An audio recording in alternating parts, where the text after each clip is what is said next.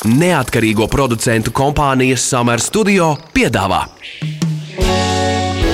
Ķepa uz sirds par viņiem, mūsu pašiem labākajiem draugiem. Raidījumu atbalsta Borisa un Ināras Teterevu fonds. Esiet sveicināti, darbie radioklausītāji! Radījums ķepa uz sirds ir atkal klāts. Esiet sveicināti, man sauc Magnus Eriņš. Mani sauc Inese Kreitsberga. Labdien, labvakar visiem! Aizvadītajā nedēļā bija suņu izstādējas, un liekas, ka tā ir pavisam cita pasaule. Suņi tiek pucēti, atrādīti un vērtēti, un aizdomājos, ko nozīmē tie vārdi, pērkot šķirnes kucēnu, ka man jau tos papīrus nevajag, jo uz izstādēm es neiešu. Bet, ja nu tomēr iešu uz izstādēm, ko tas vispār nozīmē? Kucēns manā dzīvē, un ko man vislabāk darīt ar suni, kad tas izaugs? Kā pareizi apmācīt, iet uz tām izstādēm, jeb neiet? Šādi jautājumi ir ļoti daudziem suņu saimniekiem, it sevišķi tiem, kas kucēnu ņems pirmoreiz mūžā. Un par šiem jautājumiem šodien iztaujāsim mūsu studijas viesņu. Mums studijā ir kinoloģija, izstāžu eksperte Liene Avotiņa. Labdien! Labdien! Ķepa uz sirds jautā ekspertam. Sveiki, Liene! Kādi jums pašai ir suņi un kā vispār nonācāt līdz šādam lēmumam? Uh, nu, 18 gadus atpakaļ es iegādājos savu ilgi gaidīto pirmo suni, kas bija afgāņu šķirnes uh, suns. Un no 18 gadus jau nodarbojos ar, ar, ar suņiem. Pat labi, man mājās ir divi afgāņu kurti. Un uh, pirmais, pat labi, Latvijā vienīgais reģistrētais skaists terjers. Nu, Pagaidām, paga, tā uzreiz jau netika pie saviem afgāņu kurtiem. Kā tu tā izdomāji, un, un, un, un vai tu biji no tiem atbildīgajiem, vai tev vecāki ļāva, neļāva, kā tā vispār nonāca līdz tam? Jā, pilnīgi taisnība. Savu pirmo suni es gaidīju ļoti ilgi. Tālākajā 87. gadā man mamma uzdāvināja skaistu 88. gada kalendāru, kā sienas plakātu, uz kuru bija ļoti skaists suns. Un tad es uzzināju, ka tas ir afgāņu kurts. Un nepagāja nenieka 16 gadi, kad es beidzot varēju pati nopirkt savu pirmo afgāņu kurtu, pa savu naudu uzturēt viņu, turēt savā dzīvoklī. Nu, tā, principā 16 gadus es gaidīju savu pirmo suni. Nu, tagad iedomājamies cilvēku, kurš arī tāpat kā tu. Nu, tā kā domā, ka ir gatavs suniem, viņš pirks kucēnu. Nu, mēs tā kā lasām, ka ir pieejamas apmēram 400 suņu šķirnes. Kā tad izvēlēties to pašu īstāko? Nu, cilvēkam vispirms ir jāsaprot uh, savs dzīves ritms, savas vēlmes, jo kā tu teici, ir ļoti daudz suņu šķirnes, un katra šķirne prasa kaut ko īpašu, kaut ko tieši priekš sevis. Vienam ir nepieciešama ļoti ilgstoša kopšana, vienam ir nepieciešams ikdienas grūmings, vienam ir nepieciešams ļoti aktīvas pastaigas katru dienu, stundu, divas mežā, izskrieties. Cilvēkam ir jāsaprot, cik daudz pirmām kārtām viņam laika būs šim kucēnam, ko viņš varēs veltīt. Un, uh, arī, nu, protams, uh, nākamais solis jau ir, vai viņš uh, vēlas iet uz izstādēm, vai viņš vēlas tikai sev kā mājas mīluli. Tas jau ir nākamais solis. Magnus, esi dzirdējis, ir tādi testi, kur aizpildot, var saprast, kāds suns tev ir piemērots. Lien, ir tādi testi? Jā, es pati joku pēc, cik pa brītiņam kaut kur esmu uzgājusi šādas testus internetā, un tur ir diezgan detalizēti jautājumi, kur cilvēkam ir jāatbild. Tur, protams, ir dots jau atbildes, lai tev būtu vieglāk. Un tad, kaut kāds profils priekš cilvēka tiek uh, izveidots, kāda tad šķirne vai arī mazs, vidējs vai liels suns šim cilvēkam ģimenē der vai, vai šim cilvēkam individuāli, ja viņš, ja viņš dzīvo viens pats. Un tad, protams, ir otrs aspekts, vai ģimenē ir bērni vai nav. Nu, Tādas dažādi aspekti tiek apskatīti. Šāda testu veikšana izklausās ļoti racionāla darbība pirms savu pirmā suņu iegādes, taču lielākoties neticu, ka cilvēki tā darītu ikdienā. Tāpēc jautājums tāds, kādas tad ir kļūdas, kuras pieļauj suņu saimnieki, kuriem ir tas pirmais suns?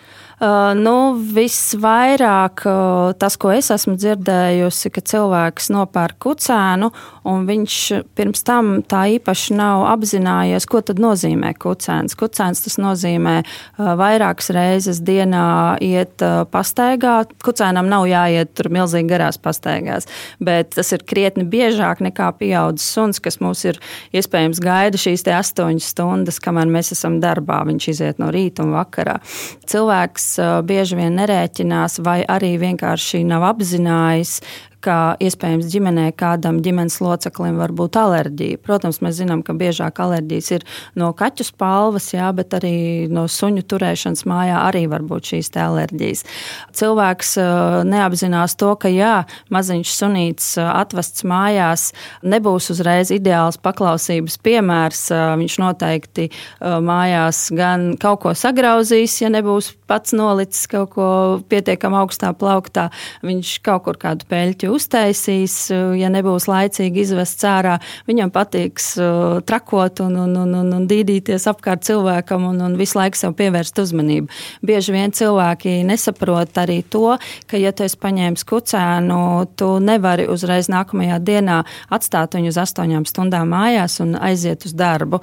Visbiežāk mēs kā kinologi arī iesakām, paņemiet to nedēļu vai divas brīvas, lai pirmkārt kucēns aprastu ar jaunajām mājām, lai kucēns bērns saprastu ar jums, lai viņš pierastu pie jūsu dzīves ritma un dzīves režīma. Un tad jau pamazām, pa stundiņai, pa stundiņai viņu atstājot vienu, pieradināt pie tā, ka viņam uh, būs kaut kāds moments, kad viņam mājās ir jāpaliek vienam. Protams, šeit arī ir, ir laba lieta, kas ir kaut kāds diezgan liela izmēra būris, nu, lai sunim tā būtu kaut kāda droša mājvieta, kamēr saimnieks uz to stundu vai divām kaut kur izskrien. Bet, protams, nu, tā jau ir katra individuāla individuāla izvēle. Ķepa uz sirds, suņu būda. Bet kādas tad ir tās kļūdas, ko pieļauj tajā sākumā? Tā ir nepacietība, dusmas varbūt, ja kaut kas nesanāk, ja arī vēl tas, ka iespējams visu ģimenes locekļu vidū nav bijusi vienprātība par to suni. Ir vecmāmiņa vai tēvs vai, vai kāds cits ģimenes loceklis, kas īsti to suni tomēr nav gribējis.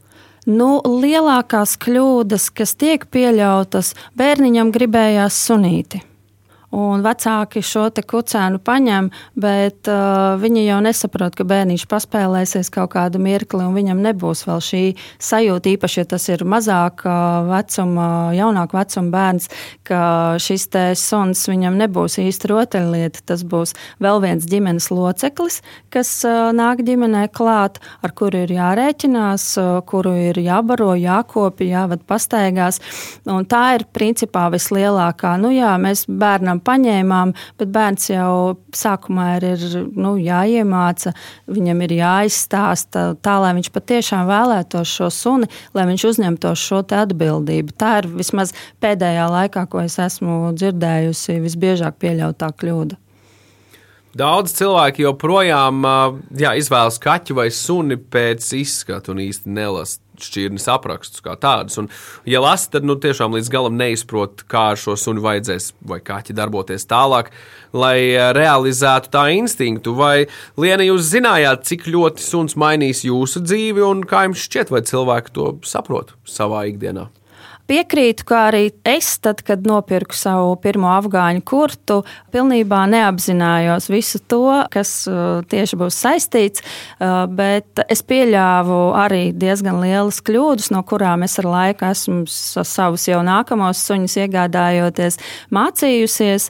Pirmā kļūda, jā, tā bija, kad es uh, atvedot suni mājās, man uzreiz bija jāiet uz darbu, un suns tika atstāts viens pats mājās. Protams, no tā viss izrietošās sekas sagrauta māja, sagrauts divāns, sagraustas kurpes un grāmatas. Nu, principā viss, ko variet iedomāties. Bet, uh, jā, ar laiku tu, protams, nu, saproti, un, un, un tev ir vairāk jārēķinās, jo tas ir vēl viens ģimenes loceklis. E, šajā stāstā es dzirdēju to punktu, kurā cilvēks varētu padoties un pateikt, nē, man šis vairs nav vajadzīgs. Tad šķiet, tas ir tas brīdis pie pirmajām grūtībām, kad tu saproti, tu varēsi ar to tikt galā, un tev pašam interesēs, vai nē, es aiznesīšu mājas dzīvnieku uz patvērsmi, jo to es vairs negribu darīt tālāk. Manā gadījumā tas bija uh, diezgan ilgi gaidīta sapņa piepildījums, un es sapratu, nē, es varu, un es uh, gan pati mainīšos līdz ar to, un es ļoti izmainījos tieši iegādājoties šo pirmo afgāņu kurtu, un uh, izmainīju arī pakārtojot sunim savu dzīvi. Protams, ienāca arī izstādes un ienāca suņu treniņi un, un, un, un ļoti dažādas interesantas lietas, kas līdz tam manā dzīvē vispār nebija bijušas. Visur kopā - ķepus sirds. Ar to dzīves pakārtošanu arī tiek ņemts vērā tas, ka maina cilvēki dzīves vietu, pērk mašīnu sunim, pilnībā maina garderobi, gatavi doties rītā, vakarā pastaigās. Tik ļoti jāmaina tā dzīve. Uh, tur es tev pilnīgi piekritīšu. Arī es, tad, kad man nebija suņu, man arī nebija mašīnas, es nopirku pirmo sunu, nopirku pirmo mazo mašīnīti. Tad, kad parādījās mājās otrais un trešais suns, tad jau tika ne tikai mašīna nomainīta uz lielāku, bet arī iegādāta māja. Un, protams, tu visu laiku nu, domā par savu labklājību, bet tajā pašā laikā tas primārais tomēr ir, lai tik suņiem būtu labi. Jā. Hei, man ideja par manifestāciju, Magnus, gribi māju un mašīnu. Nopēc suni. Jā, Nopēc un nepadodies pie grūtībām pirmajām. Redzi, kā? Tieši tā. E, Liene, vai var pastāstīt, kādas vēl ir kļūdas, ko pieļauj saimnieks sākumā, vai, vai nav tā, ka bieži cilvēki neizvērtē audzētāju, jo domā, ka nu, man jau uz tām izstādēm nav jāiet, papīri nav svarīgi. Tas, par ko esam daudz runājuši arī šeit, raidījumā ķēpa uz sirds. Bet pēc tam jau sāk gribēties gan tās izstādes, gan arī, lai tas suns beig beigās atbilstu visiem tiem šķirnes parametriem. Un tad izrādās, ka ir nopircis krancīti. Beig beigās mīl jau tāpat, bet kā izskaidrot un ieskaidrot cilvēkam, kāpēc ir vajadzīgi ciltsraksti? Jā, šis ir ļoti liels jautājums. Vienmēr bijis cilvēkiem, kuri ir mazāk bijuši iesaistīti tieši suņu izstāžu, vispār suņu audzētāju pasaulē. Tas, ko es gribu teikt, ka ja cilvēks ir nolēmis iegādāties suni, tad pats primārais viņa lielākais draugs tajā mirklī, kurš dos visvairāk informāciju, būs audzētājs, īpaši godprātīgie audzētāji. Un, uh, ir arī tāds kā mīts, ka man nevajag suni ar ciltsrakstiem, jo, jo tas noteikti būs dārgāk.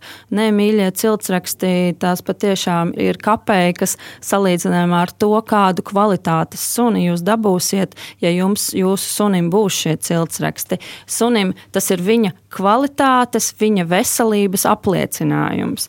Līdz ar to, ja sunim ir šie ciltsraksti, tad audzētājs ir bijis atbildīgs. Viņš atbild par vecāku veselību, kas tieši šos te kucēnus radīja. Viņš atbild par uh, to, ka jaunais saimnieks iegūs pilnīgi absolūti visu pilnu informāciju gan par šo šķirni, gan par viņas īpatnībām. Viņš palīdzēs jebkurā grūtā brīdī, un tas noteikti būs uh, pirmais cilvēks, kuram šis te jaunā suņa īpašnieks drīkst zvanīt diennakts laikā, lai uzdot jebkādu jautājumu saistībā ar, ar savu suni. Un, un vispār tas noteikti būs uh, jaunā suņa īpašnieka labākais draugs. Nē, un sāksim arī ar to, ka cilts raksts ir vienīgais apliecinājums, ka tas dzīvnieks ir šķirnes. Jā, protams. Savādāk jūs pērkat krancīti par dārgu naudu. Nu, arī. Jā, veterinārā pasa ir visiem suņiem. Nu, jā, tas nav ciltsraksts. Jā, Protams, nekāds. tas nav ciltsraksts. Un veterinārijā pasē var ierakstīt jebko. Protams nu, atbildīgi vetārsti, kur izsniedz pasi, jebko neieraksta. Viņi ieraksta to, ko viņi faktiski tajā mirklī redz, un, un čipējot suni un, un, un taisot viņam kārtējās potes. Bet, jā, ciltsraksts tas ir suņa kvalitātes un, un, un nu, tāds garants. Jo ir gadījumi, ka parāda um, suņa pasi, veterināro pasi, un tur rakstīts šķirnes nosaukums, bet vetārs ieraksta to šķirnes nosaukumu pēc tā, ko viņam saimnieks saka. Vai arī ko viņš tajā mirklī redz. Jā, Jā. Tur arī suns var būt tajā mirklī standarta izmērā pēc konkrētas šķirnes, bet viņš var izaugt krietni lielāks. Atgādinām, ka pie mums studijā šodien ir kinoloģija un izstāžu eksperte Liene Avotiņa, un mēs diskutējam par to, vai suni var integrēt savā dzīves ritmā, jeb ikdiena jāpakārto mīlulim. Šo radio pārraidi varēsiet dzirdēt arī podkāstu formā, populārākajās straumēšanas vietnēs, kā arī Latvijas radio mājaslapā, arhīvu sadaļā un mobilajā lietotnē. Tu pazīsti kādu īpašu dzīvnieku draugu? Tavs kaimiņš vai kolēģis palīdz nelaimē nonākušiem suņiem un kaķiem? Varbūt kāds suns vai kaķis izmainīs tavu pašu dzīvi. Raksti mums, un mēs pastāstīsim šo sirsnīgo stāstu pārējiem klausītājiem. Iedrošināsim arī citus izdarīt kādu labu darbu. Gaidām jūsu vēstuli uz info atķepa uz sirds LV. Bet, eh, nu, ja tie papīri ir un cilvēkam gribas to atmosfēru, to kopā būšanu ar līdzīgi domājošiem, to tusiņu, to izstādes atmosfēru, un galu galā arī suns tiek vērtēts, un daudziem gribas apliecinājumu, ka, lūk, mans suns ir skaistākais un labākais tajā ringā, ko izstāde dod saimniekam, ko izstāde dod sunim. Nu, ja izslēdzam cilts darba nepieciešamību. Uh, nu, man kā suņu īpašniekam, kurš ir uh, sācis iet 18 gadus atpakaļ uz izstādēm, tā noteikti ir uh, kopā būšana ar līdzīgi domājošiem. Tā ir jau tāda draugu sajūta, tādi forši cilvēki apkārt. Bet, protams, ieejot ringā, un es arī esmu sportiste bijusi, un man ir vajadzīgs šis sacensības gars, un, nu, protams, arī daļa adrenalīna šajās izstādēs mēs arī katrs iegūstam. Vai Liena, esi gatavs dalīties pieredzē, ja tev tāda ir bijusi saistībā ar drāmām šāda veida pasākumos? Jo konkurenti. Jā, konkurenti popkultūrā ir, uh, ir dzirdēts uh, daž, dažādi nostāsti par to, kā Amerikas Savienotajās valstīs, piemēram, tur e, suņiem tur dažādas ķīmijas tiek liktas virsū konkurentu suņiem, lai, tur, lai viņi nevarētu pēc iespējas labāk nostartēt, vai tur kāda mēdienā kaut kas tiek piemests klāt. Latvijā tas tā notiek, vai tie ir izdomāti Holivudas mīti par to, kā varētu būt? Iespējams, varbūt kaut kas arī notiek, bet tā īpaši redzēts nav, jo gadā es apmeklēju diezgan daudz izstādes. Latvijā iespējams tāda konkurence vairāk ir tāda veselīga, sportiska, draudzīga. Ja? Un, un es pieļauju, tas arī cilvēkus. Tas kā aprunā no malas, ja? Uh, nu, aprunāt, jā, bet, uh, protams, ir uh, tāds aspekts, nu, ka tu patur tajā mirklī varbūt tās to savu domu pie sevis. Jā, mājās tu vari savā bariņā ar cilvēkiem parunāt, kas tev tomēr ir uz sirds, jo pat laban arī mūsu visu tehnoloģiskajā pasaulē ir jārēķinās ar to, ka ikvienā mirklī izstādē, lai arī tu kādu gribi kādu izteikumu pateikt, tev ir jārēķinās, ka blakus var būt cilvēks ar mobilo telefonu, kurā ir ieslēgta vai nu kamera, vai à. viņš filmē filmē, vai nu skaņa, jā, un tas viss var beigās izrādīties diezgan nezolīdi pret eksponentiem, kas tajā mirklī ir ringā. Tā kā iesaku tomēr cilvēkiem savas domas paturēt pie sevis, vai arī nu, mājās savā ģimenes lokā parunāties. Bet tādi sabotāžas gadījumi, kad tiek uh, darīts viss iespējamais, lai konkurence, piemēram, nevarētu startēt vai piemēram, izlaiž suni dubļos. Jā, piemēram. Nu, nē, es tādas neesmu ne redzējusi, ne dzirdējusi. Manā šķirnēs noteikti tā nav, jo mūsu afgāņu kurta Latvijā vispār ir uz abiem rokas pirkstiem saskaitāmi. Mēs var, pat pazīstam visus. Varbūt, jā, jā es brālīši. brālīši mūsējiem. Jā, tā kā, nu, tā gluži nav. Iespējams, kaut kur ir, bet es neesmu to saskārusies. Bet tā indēšanas situācija diezgan aktuāla, ko Magnus aizskār. Tas arī kaķu vidū ir mm, diezgan populāri ka, piemēram, konkurence ar roku samitrina roku Jā. indē, un tad viņš iet kā paglaudīt sunīti vai kaķīti. Un tie indēšanas gadījumi reāli ir. Tā kā principā Šausmas. parasti iesaka nu, netuvoties tam sunim, nelaist nevienu klāt un, un neatstāt vienu. Nē, nu visbiežāk suņu saimniekam izstādē ir jābūt klāt savam sunim, vai arī, ja pēkšņi ir kaut kur jāizskrien, tad atstāja kādu uzticamu personu turpatās blakus to sunu pieskatīt, jā, jo viss kaut kas jau var gadīties. Bet par tām izstādēm par saimniekiem sapratām, tusiņš, atmosfēra, klačas, tas viss labi, bet ko sunim tas dod? Viņam tas tomēr nav liels stress, ja ir suņi, kam patīk tā socializācija. Ir patiešām redzēti suņi, kuriem izstādes patiešām sniedz lielu prieku nezinu, vai nu tas ir tas viņa mirklis kopā ar saimnieku, vai tas ir tas darbs kopā ar saimnieku, ko viņi ir izstrādājuši treniņos. Arī to es bieži vien, jo es ar ikvienu savu sunu esmu gājis uz treniņiem, es redzu, ka uh, patiešām sunim patiešām ir šis prieks acīs, redzot, ka saimnieks šo stundu vai divas ir kopā ar viņu. Protams, arī daudziem tas ir stress, un, un pieļauju, ka suns jau tā īpaši nesaprot, ko mēs tajā izstādē darām, jo treniņos māca jau mūsu saimniekus, ne jau mūsu suni. Runājot par uh, suņu nodarbināšanu, mirklī, kad cilvēks ir sapratis, ka pilnībā ir jāizmaina savs dzīvesveids, sava dzīve, ko tu lien ieteiktu? Suņu sportu, kursingu, triku apmācības, kas no tā patīk uh, sunim, kā tev šķiet, kas patīk vairāk pašam saimniekam, un kā saprast, kas tad beig beigās konkrēti derēs manam sunim? Uh, nu, šeit es noteikti iesaku pamēģināt vienu, otru vai trešo un parunāt ar uh, treneriem, kuri nodarbojas vai no agility, vai no suņu skriešanas sacensībām, uh, lai saprastu patiešām šī suņa interesi pret šo vai vienu vai otru sporta veidu. Uh, Tas, kas noteikti palīdz, ir šie treniņi, aiziet uz vienu treniņu, uz otru, vai arī tas, ka mēs novērojam savu suni vai nu tajā pašā laukā skrienot, vai mājās ar viņu nodarbojoties, kas tad viņam labāk patīk. Viņam patīk vienkārši kaut kam skriet, kaut kam sekot pakaļ, kaut ko dzenāt, vai viņam patīk šie triki kopā ar saimnieku, vai viņam patīk, ka viņam frisbī šķīvīti aizlidina un viņš viņu ķer. Ļoti dažādi, jo, piemēram, piemēram, afgāņu kurtam, es nekad neiestāstīšu, ka viņam ir uh, jāķer šķīvītas zobos. Viņš domās, ka ar mani kaut kas nav tā. Bet, ja es viņu palaidīšu laukā un tur būs kaut kāds māneklis, kas ir līdzīgs dabīgam tur, tur zaķim vai vēl kaut kam, tad, protams, viņam ir dabīgs azarts un viņš viņam uzreiz skries pakaļ. Tā kā tas ir, ir jānovēro vispirms suns, ir jāpalasa šie uh, šķirnes specifika, šķirnes īpatnības, un, un tad var mm, saprast, kam tad suns vairāk būtu piemērots, jo daži nav piemēroti nekam. Daži ir vienkārši suņu kompanioni, kuriem patīk kopā ar saimnieku sēdēt viņam blakus pie televizora, vai arī kamēr saimnieks lasa grāmatu vai atzeķis. Ķepa uz sirds noskaidro. Bet kā tu pati nodarbini savus suņus un vispār Ko tas nozīmē arī izmaksu ziņā sagatavot suni sportam, kursingam, piemēram? Nu, mani suņi, izņemot skaitarjeru, bet arī viņš skrien uh, kursingu, uh, vismaz ir šovasar pirmo reizi pamēģinājis, tad uh, ar afgāņu kurtiem jāzinot, ka viņiem ir nepieciešama šī izskriešanās, šis ātrums, ko viņi uh, attīsta skrienot, tas ir tas, kas ir viņu būtība. Un līdz ar to es uh, zinu, ka es novērtēju šīs savas suņu spējas, un attiecīgi arī pa ziemu, kad nenotiek treniņi, es arī suni gatavoju. Mēs ejam uz jūru skriet, uh, ik pa brītiņam ir šis nevis pie pavadas, bet šī brīvā skriešana, lai, lai suns ne tikai uztrenētos, bet būtu vienkārši formā.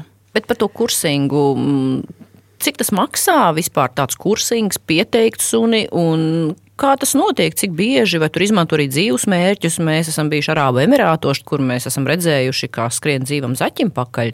Latvijā tas ir atļauts? Nē, Latvijā nav atļauts uh, izmantot ne dabīgas dzīvnieku ādas, ne, neko, kas uh, nu, tieši parādītu šo iespēju, lai suns piefiksētu, ka pēc tam drīkst dzīties pakaļ arī jebkuram kaķim vai, vai vienalga kādam maidzīvniekam. Tas Latvijā ir aizliegts, līdz ar to mēs izmantojam vienkāršas lentas, kuras tiek sasietas tādā lielā, lielā bantē, un attiecīgi ir operators, kurš uh, ar motoru šo te Uh, zaķi laiž caur tādām dažādām trajektorijām. Principā šis lauks ir no 400 līdz 800 uh, metru garumā, un, un sunim tad šeit arī ir iespēja gan parādīt savas ātruma spējas kaut kādā lielākā ātruma posmā, gan arī parādīt savas prāta spējas, kā viņš prot noreaģēt mirklī, kad zaķis pagriežās pa kaut kādu trajektorijas līkloci vai, vai kur. Tad mēs arī redzam, vai patiešām suns, suns domā līdzi, ko viņš dara,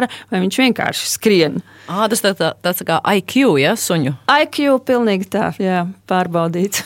Bet es saprotu, pēc tā kursinga ir laimīgs suns, jo viņš ir noguris suns, un tas arī ir nu, saimniekam labs apliecinājums, ka suns mierīgi viņš ir izskraidījies. Bet tad ir jautājums, kas notiek ar suni, kas vispār netiek nodarbināts? Kāds būtu tas pats afgāņu kurs, ja tu nedotu viņu ne kursingā, nebūtu citas nodarbes? Kā mēs redzētu, kas notiek ar suni? Noteikti suns garlaikotos un darīt kaut kādas palaidnības ar laiku. Protams, tas viss ir ar vecumu, bet jo jaunāks suns un enerģiskāks, jo viņam ir nepieciešama šīs fiziskās nodarbes. Ja es runāju par afgāņu kurtu, un ja es nenodarbinātu viņu, jā, tad, tad viņam kaut kādi savi triki nāktu jau padomā, un, un kaut kas mājās tiktu palasīta kāda grāmatiņa vai kāda kurpīta piemērīta. Nu, kaut, kaut kas noteikti būtu. Tev tā arī bijis mājās? Jā, protams.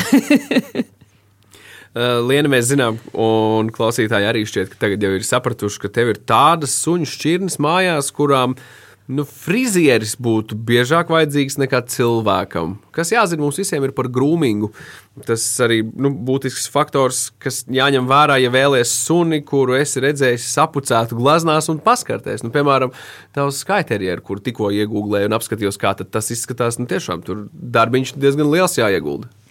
Jā, ikvienam cilvēkam iegādājoties kucēnu, arī ir jāsaprot, kāds būs nepieciešams šis grūmings, kad pirmām kārtām, kad sunim mainīsies kucēnas palva jau uz pieaugušo, un kāda būs pēc tam ikdienas grūmings, kas ir nepieciešams, lai suni uzturētu nu, patiešām ar smuku, ar smuku kažoku, lai, lai, lai suns izskatītos formā visu laiku. Un, uh, tas, kas, piemēram, ar afgāņu kurtiem ir nepieciešams, jā, ir šis ikdienas tāds nelielais grūmings, bet nu, jā, mazgāšana reizi nedēļā, ja ir izstādes, reizi divās nedēļās, uh, bet ne retāk, ir ieteicams. Nu, un, un skaiterieri arī ir ar garu, garu spalvu, un, un līdz ar to arī ir ikdienā jāsako līdzi.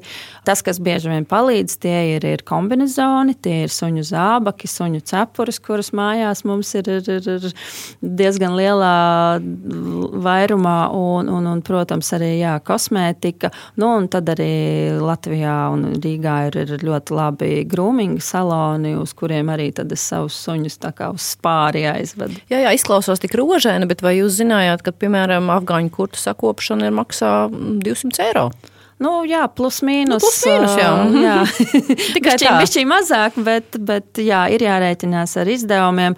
Un, ja es tā salīdzinu, jā, tad pieļauju, mani suņi pie friziera iet biežāk kā es, un maniem suņiem ir krietni dārgāka kosmētika nekā man. Arī viņiem ir savs kosmētikas galdiņš.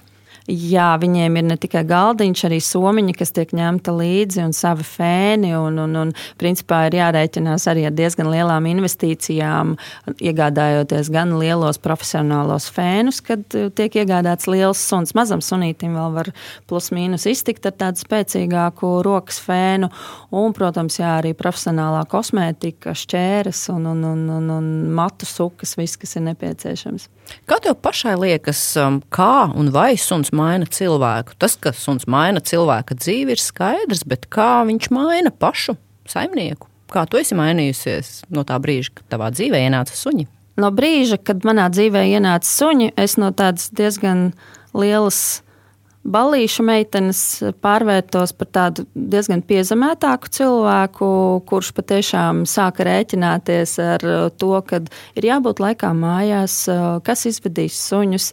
Mana dzīve izmainījās pietiekoši, bet es tikai ceru uz labo pusi. Nu, rekā, suns maina cilvēka dzīvi, bet nu, uz labo pusi. Pareizi. Liena, paldies par sarunu. Šajā reizē raidījumā ķēpos sirds bija īpaši interesanti noskaidrot par aizkulisēm, kas notiek šādos konkursos. Un gadījumā, ja mēs kādreiz kaut kur ejam pavasarī, kad tas kursings ir sācies, nevajag baidīties, vajag iet klāt saimniekam un prasīt, ja, kas tur notiek. Jā, noteikti. Ik viens saimnieks jums pastāstīs detalizētu informāciju, kas tad notiek, kā tas notiek, kā ir suns jāsagatavo skriešanai. Jā, un mēs visi vienmēr gaidām pavasari, gaidām, kad uh, paliks sausāki lauki, lai suņus jau var palaist bez sniega un bez peļķēm pa šiem laukiem skriet, un, un notiek pirmie treniņi. Tā kā noteikti gaidīsim pavasari. Paldies vēlreiz! Tu esi mans draugs, ķepus sirds! Atgādinām, ka ķepa uz sirds TV raidījumam varat sekot līdzi katru sestdienu, pulksten 11.15 un atkārtojumā Svētdien LTV1. Mēs arī gaidām jūsu jautājumus, ierosinājumus, idejas, sižetiem. Rakstiet mums info atķepa uz sirds.lv. Bet šajā raidījumā tas ir arī viss. Mani sauc Inese Kreitsberga. Mani sauc Magnus Eriņš. Raidījumu veido neatkarīgo producentu kompānija Summer Studio. Visu labu! Atā! Ķepa uz sirds! Informatīvi izglītojošs raidījums par dzīvnieku pasauli un cilvēkiem tajā. Raidījumu atbalsta Borisa un Ināras Teterevu fonds.